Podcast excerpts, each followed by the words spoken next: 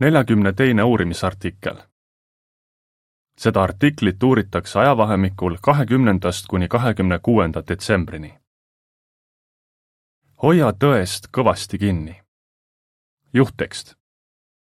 uurige kõige paikapidavust, hoidke kõvasti kinni sellest, mis on hea. esimene Thessaloniklastele viis kakskümmend üks. alguslaul number sada nelikümmend kaks, lootus, hingeankur ülevaade.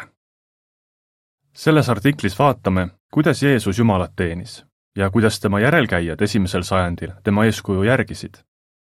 samuti uurime, mis tõendab, et Jehova tunnistajad järgivad tänapäeval Jeesuse eeskuju. lõik üks, küsimus. mis tekitab paljudes segadust? tänapäeval on kümneid tuhandeid rühmitusi, kes peavad end kristlasteks ja väidavad, et nad teenivad Jumalat talle meelepärasel viisil. Pole ime, et see ajab paljusid segadusse. Nad mõtlevad, et kas on olemas vaid üks õige religioon või on kõik religioonid Jumalale meelepärased. kas sina oled veendunud, et see, mida meie kui Jehova tunnistajad õpetame, on tõde ja et me teenime Jehovat talle meelepäraselt? kuidas selles veenduda? vaatame mõningaid tõendeid lõik kaks, küsimus. miks oli Paulus veendunud, et see, mida ta usub, on tõde? Paulus oli kindlalt veendunud, et see, mida ta usub, on tõde. tekstis esimene Thessaloniklastele üks viis ütleb ta. kui me kuulutasime teile head sõnumit, ei tulnud see teie juurde ainult sõnaga, vaid ka püha vaimu ja sügava veendumusega. Te ju teate, mida me teie juures olles teie heaks tegime see veendumus ei põhinenud emotsioonidel. Paulus oli hoolas Jumala sõna uurija. ta uskus, et kogu pühakiri on Jumalalt. mida ta pühakirja uurides teada sai? näiteks seda, et Jeesus oli tõotatud Messias. see oli fakt, mida juudi usujuhid ignoreerisid. Nad väitsid, et tunnevad Jumalat, kuid oma tegudega nad salgasid teda. Paulus aga ei valinud, milliseid mõtteid pühakirjast ta usub ja milliseid mitte. ta oli valmis andma teistele edasi kõiki Jumala õpetusi ja ka ise nende järgi elama. lõik kolm. küsimus. kas meil on tarvis vastuseid kõigile küsimustele, veendumaks, et see, mida me usume, on tõde? mõned arvavad, et õige religioon peab andma vastused kõigile küsimustele isegi sellistele, mis pole seotud piibli teemadega. kas see on mõistlik ootus? mõtleme taas Paulusele. ta ergutas usukaaslasi uurima kõige paikapidavust. samas ta möönis, et on palju asju, millest ta aru ei saa. ta ütles, meie teadmised on ju poolikud. me näeme ähmast kujutist metallpeeglis. esimene korintlastele kolmteist, üheksa ja kaksteist. nagu Paulus nii ei mõista ka meie kõiki asju. ent Paulus teadis põhitõdesid Jehova ja tema eesmärkide kohta. sellest piisas veendumaks, et see, mida ta usub, on tõde. järgneb lisa. Jehova teod ja mõtted. kas meil on vaja teada vastuseid või osata vastata kõigile küsimustele, veendumaks, et meil on tõde? ei allpool olevad kirjakohad kinnitavad, et meil pole kunagi võimalik Jehova tegude ja mõtete kohta kõike teada saada. me saame tema kohta teadmisi omandada igavesti. praegu aga on Jehova avaldanud enda ja oma eesmärkide kohta piisavalt infot, et võiksime temasse uskuda ja aidata ka teistel teda tundma õppida. laul nelikümmend viis. kui palju oled sa teinud imelisi tegusid, Jehova, mu Jumal, ja mõlgutanud mõtteid meie üle Pole kedagi sinu sarnast. Kui hakkaksin neist rääkima ja kõnelema, ei tuleks neil lõppu. koguja kolm üksteist. kõik on ta omal ajal kaunilt teinud. ta on isegi pannud inimeste südamesse igaviku. ometi ei suuda inimesed kunagi Jumala tehtud tööd algusest lõpuni mõista. Jesaja viiskümmend viis üheksa. nagu taevas on maast kõrgemal, nii on minu teed kõrgemad teie teedest ja minu mõtted teie mõtetest. roomlastele üksteist kolmkümmend kolm. kui rikkalikud on küll Jumala õnnistused, kui sügavad tema tarkus ja teadmised. kui tabamatud on tema kohtuotsused ja äraarvamatud tema teed. lisalõpp. lõik neli. küsimus. kuidas me saame tugevdada oma veendumust ning milliseid tõeliste kristlaste tunnusjooni me vaatama hakkame? Üks võimalus oma veendumust tugevdada on võrrelda Jeesuse teenistust sellega, mida teevad Jehova tunnistajad. selles artiklis me näeme, et tõelised kristlased esiteks hoiduvad ebajumala kummardamisest. teiseks, hoiavad au sees Jumala nime. kolmandaks, armastavad tõde. ja neljandaks, armastavad üksteist. me ei kummarda ebajumalaid. lõik viis, küsimus. mida me Jeesuselt Jumala teenimise kohta õpime ja kuidas me saame tema õpetuste järgi toimida? Jeesus armastas Jehovat ja teenis vaid teda ning seda nii taevas kui ka maa peal olles. ta õpetas oma järelkäijaid toimima samamoodi. Jeesus ja tema jüngrid ei kasutanud kunagi Jumala teenimiseks kujusid. Jumal on kõige aulisem nähtamatu vaimolend ja seepärast pole võimalik valmistada midagi, mis ligilähedaseltki temaga sarnaneks. mida siis öelda pühakujude ja nende poole palvetamise kohta? kümnest käsust teine ütleb, sa ei tohi teha endale nikerdatud kuju ega mis tahes kujutist millestki, mis on ülal taevas, all maa peal või vees. sa ei tohi nende ette kummardada. teine Moosese kakskümmend, neli ja viis. See keeld on väga selge neile, kes soovivad olla Jumalale meelepärased. lõik kuus, küsimus. kelle eeskuju Jehova tunnistajad järgivad?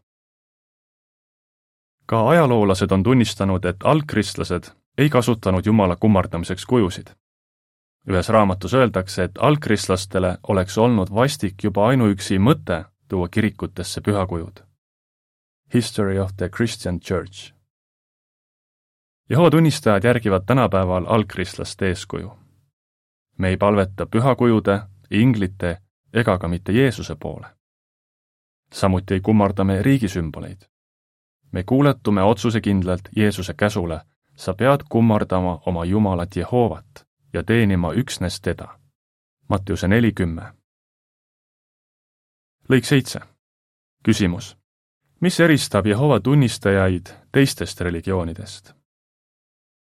Tänapäeval meeldib paljudele kuulata karismaatilisi usujuhte. mõned lausa jumaldavad selliseid inimesi ja usuvad igat nende sõna. Nad käivad neid kuulamas, ostavad nende raamatuid ja annetavad nende toetamiseks suuri summasid. võib-olla poleks nad isegi Jeesusest rohkem vaimustunud kui nendest jutlustajatest. meie kui Jehova teenijad aga kummardame Jehovat, mitte inimesi. kuigi me peame lugu neist, kes on meie seas eestvedajad, lähtume me Jeesuse antud põhimõttest, teie kõik olete vennad. Mattiuse kakskümmend kolm kaheksa me ei otsi juhatust usujuhtidelt või poliitikutelt. me oleme selle maailma asjades erapooletud. kõik see eristab meid teistest rühmitustest, kes peavad end kristlasteks. me hoiame au sees Jumala nime. lõik kaheksa. küsimus. Millest ilmneb Jehova soov, et inimesed tema nime teaksid ja austaksid? Jeesus palvetas kord. isa, austa oma nime Jehova vastas sellele palvele taevast valju häälega, lubades, et austab oma nime. Johannese kaksteist kakskümmend kaheksa. kogu oma teenistuse jooksul tõi Jeesus isa nimele au. seepärast on mõistlik eeldada, et kõik tõelised kristlased kasutavad Jumala nime ja teevad seda teistele teatavaks. lõik üheksa, küsimus kuidas tõendasid esimese sajandi kristlased, et nad peavad Jumala nime au sees? esimesel sajandil, peagi pärast kristliku koguduse rajamist, otsustas Jehova pöörata tähelepanu mittejuutidele, et koguda nende seast rahvas, kes kannaks tema nime. Apostlite teod viisteist, neliteist. Need, kes tol ajal kristlasteks said, kasutasid uhkusega Jumala nime ja andsid sellest ka teistele teada samuti kasutasid nad Jumala nime palju kordi pühakirja kirjutades. see kõik näitab, et nad tõesti hoidsid Jumala nime au sees. lõik kümme.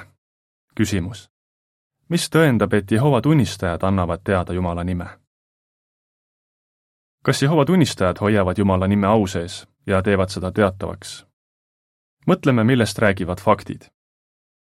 paljud usujuhid teevad tänapäeval kõik, mis nende võimuses, et Jumala nime varjata. Nad on kõrvaldanud selle piiblitõlgetest ja mõningal juhul isegi keelanud kasutada seda jumalateenistustel. allmärkuses öeldakse, näiteks andis paavst Benedictus kuueteistkümnes aastal kaks tuhat kaheksa välja dokumendi selle kohta, et Jumala nime ei tohi katoliiklikel jumalateenistustel kirikulauludes või palvetes kasutada ega välja öelda. allmärkuse lõpp. on selge, et Jehova tunnistajad on ainsad, kes Jumala nime austavad. Nad teevad seda teatavaks laialdasemalt, kui ükski teine religioosne rühmitus seda teeb. Jehova tunnistajad püüavad kõigiti elada selle nime vääriliselt. samuti on nad välja andnud uue maailma tõlke, mida on trükitud rohkem kui kakssada nelikümmend miljonit eksemplari Jumala nimi esineb selles piiblitõlkes väga paljudes kohtades. lisaks annavad Jumala nime teada meie väljaanded, mis ilmuvad rohkem kui tuhandes keeles. järgneb lõikudega kaheksa kuni kümme seotud piltide selgitus. Jehova organisatsioon on andnud välja uue maailma tõlke rohkem kui kahesajas keeles. tänu sellele saavad paljud lugeda oma emakeeles piiblit, kus on Jumala nimi. pildi allkirjas öeldakse tõelised kristlased räägivad uhkusega teistele Jehovast. me armastame tõde. lõik üksteist, küsimus. millest ilmneb, et algkristlased armastasid tõde? Jeesus armastas tõde, see tähendab tõde Jumala ja tema eesmärkide kohta. ta ka elas kooskõlas tõega ning tegi seda teistele teatavaks. samuti armastasid tõde Jeesuse jüngrid Apostel Peetrus rääkis kristlikust usust kui tõeteest. tänu tõearmastusele ei võtnud algkristlased omaks õpetusi, pärimusi ja mõtteviisi, mis polnud tõega kooskõlas. ka tänapäeval käivad tõelised kristlased tõe teel, hoides kõvasti kinni Jumala sõna põhimõtetest. lõik kaksteist. küsimus. mida juhtiv kogu teeb, kui saab aru, et meie uskumustes on tarvis midagi muuta? Ja miks neid muudatusi tehakse? Jehova tunnistajad ei väida, et nad saavad täielikult aru kõigest, mis on piiblis kirjas. vahel on Jehova rahval olnud tarvis muuta oma arusaamu ja organisatsioonilisi toimimisviise. see peaks meid üllatama. piibel annab teada, et Jumala rahvas mõistab piibli tõde aja möödudes üha paremini.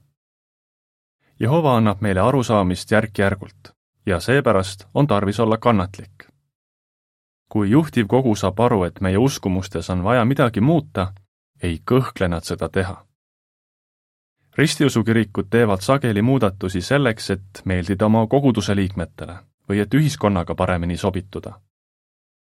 Jehova teenijad teevad aga muudatusi selleks, et saada Jumalaga lähedasemaks ja järgida veelgi täpsemalt Jeesuse eeskuju. Nende muudatuste aluseks pole selle maailma suundumused või ootused vaid selginenud arusaamine pühakirjast. me armastame üksteist. lõik kolmteist, küsimus. milline omadus iseloomustas algkristlasi ja kuidas ilmneb see Jehova teenijate seas tänapäeval? kõigist omadustest kõige paremini iseloomustab esimese sajandi kristlasi armastus. Jeesus ütles, selle järgi tunnevad kõik ära, et te olete minu jüngrid, kui teie keskel on armastus Johannese kolmteist kolmkümmend viis. tänapäeval on Jehova rahvas üksmeelne ülemaailmne pere. meievaheline armastus, mis ületab rahvuslikud, rassilised ja sotsiaalsed piirid, on maailmas ainulaadne. me kogeme seda näiteks meie koosolekutel ja kokkutulekutel. see tugevdab meie veendumust, et meie teenimisviis on Jehovale meelepärane. lõik neliteist, küsimus millest ilmneb, et me armastame üksteist? piibel kutsub meid üles, armastage üksteist kogu südamest. esimene Peetruse neli kaheksa. üks võimalus seda teha on usukaaslastele andestada ja leppida nende ebatäiusega.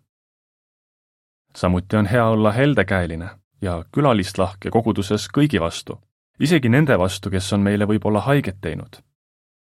Nii toimides näitame, et oleme tõelised kristlased. tekstis kolosslastele kolm kaksteist kuni neliteist öeldakse olgu siis teie kui Jumala valitud pühade ja armastatute rõivaiks osavõtlikkus, lahkus, alandlikkus, tasadus ja kannatlikkus. sallige üksteist ja andke üksteisele heldelt andeks, kui kellelgi on põhjust kaebuseks teise vastu. Nagu Jehova on teile heldelt andestanud, nii tehke ka teie. lisaks kõigele sellele riietuge armastusse, sest see on ühtsuse täiuslik side üks usk. lõik viisteist. küsimus. milliseid sarnasusi veel on meil algkristlastega? me võtame algkristlastest eeskuju veel teisteski valdkondades. Nagu esimesel sajandil, on ka meil tänapäeval reisivad ülevaatajad, koguduse vanemad ja abilised. samuti on meil algkristlastega sarnane suhtumine seksuaalsuhetesse ja abiellu, verepühadusse ja mittekahetseva patustaja kogudusest eemaldamisse. lõik kuusteist. küsimus. mis ilmneb tekstist Efeslastele neli, neli kuni kuus? Jeesus ütles, et paljud väidavad end olevat tema jüngrid, kuid tegelikult nad seda pole. samuti on piiblis ennustatud, et viimsel päevil on paljud vaid pealtnäha jumalakartlikud. seal öeldakse, et Jumalale on meelepärane vaid üks usk Efeslastele neli, neli kuni kuus ütleb. on vaid üks kogudus ja üks vaim, nagu on ka üks lootus, mille juurde teid on kutsutud. üks isand, üks usk, üks ristimine, üks Jumal ja kõikide Isa, kes on üle kõigi ning tegutseb kõigi kaudu ja kõigi sees. lõik seitseteist. küsimus. kes teenivad tänapäeval Jumalat talle meelepärasel viisil? kes siis teenivad tänapäeval Jumalat talle meelepärasel viisil? kes järgivad Jeesuse ja algkristlaste eeskuju? tõendid näitavad selgelt, et Jehova tunnistajad. On tõesti suur au kuuluda Jehova rahva hulka ning teada tõde Jehova ja tema eesmärkide kohta. hoidkem siis tõest kõvasti kinni. kordamiseks. millest ilmneb, et Jehova tunnistajad teenivad vaid Jehovat ja toovad tema nimel au. armastavad tõde. armastavad üksteist. lõpulaul number kolm. me jõud, lootus ja kindluslinn. artikli lõpp.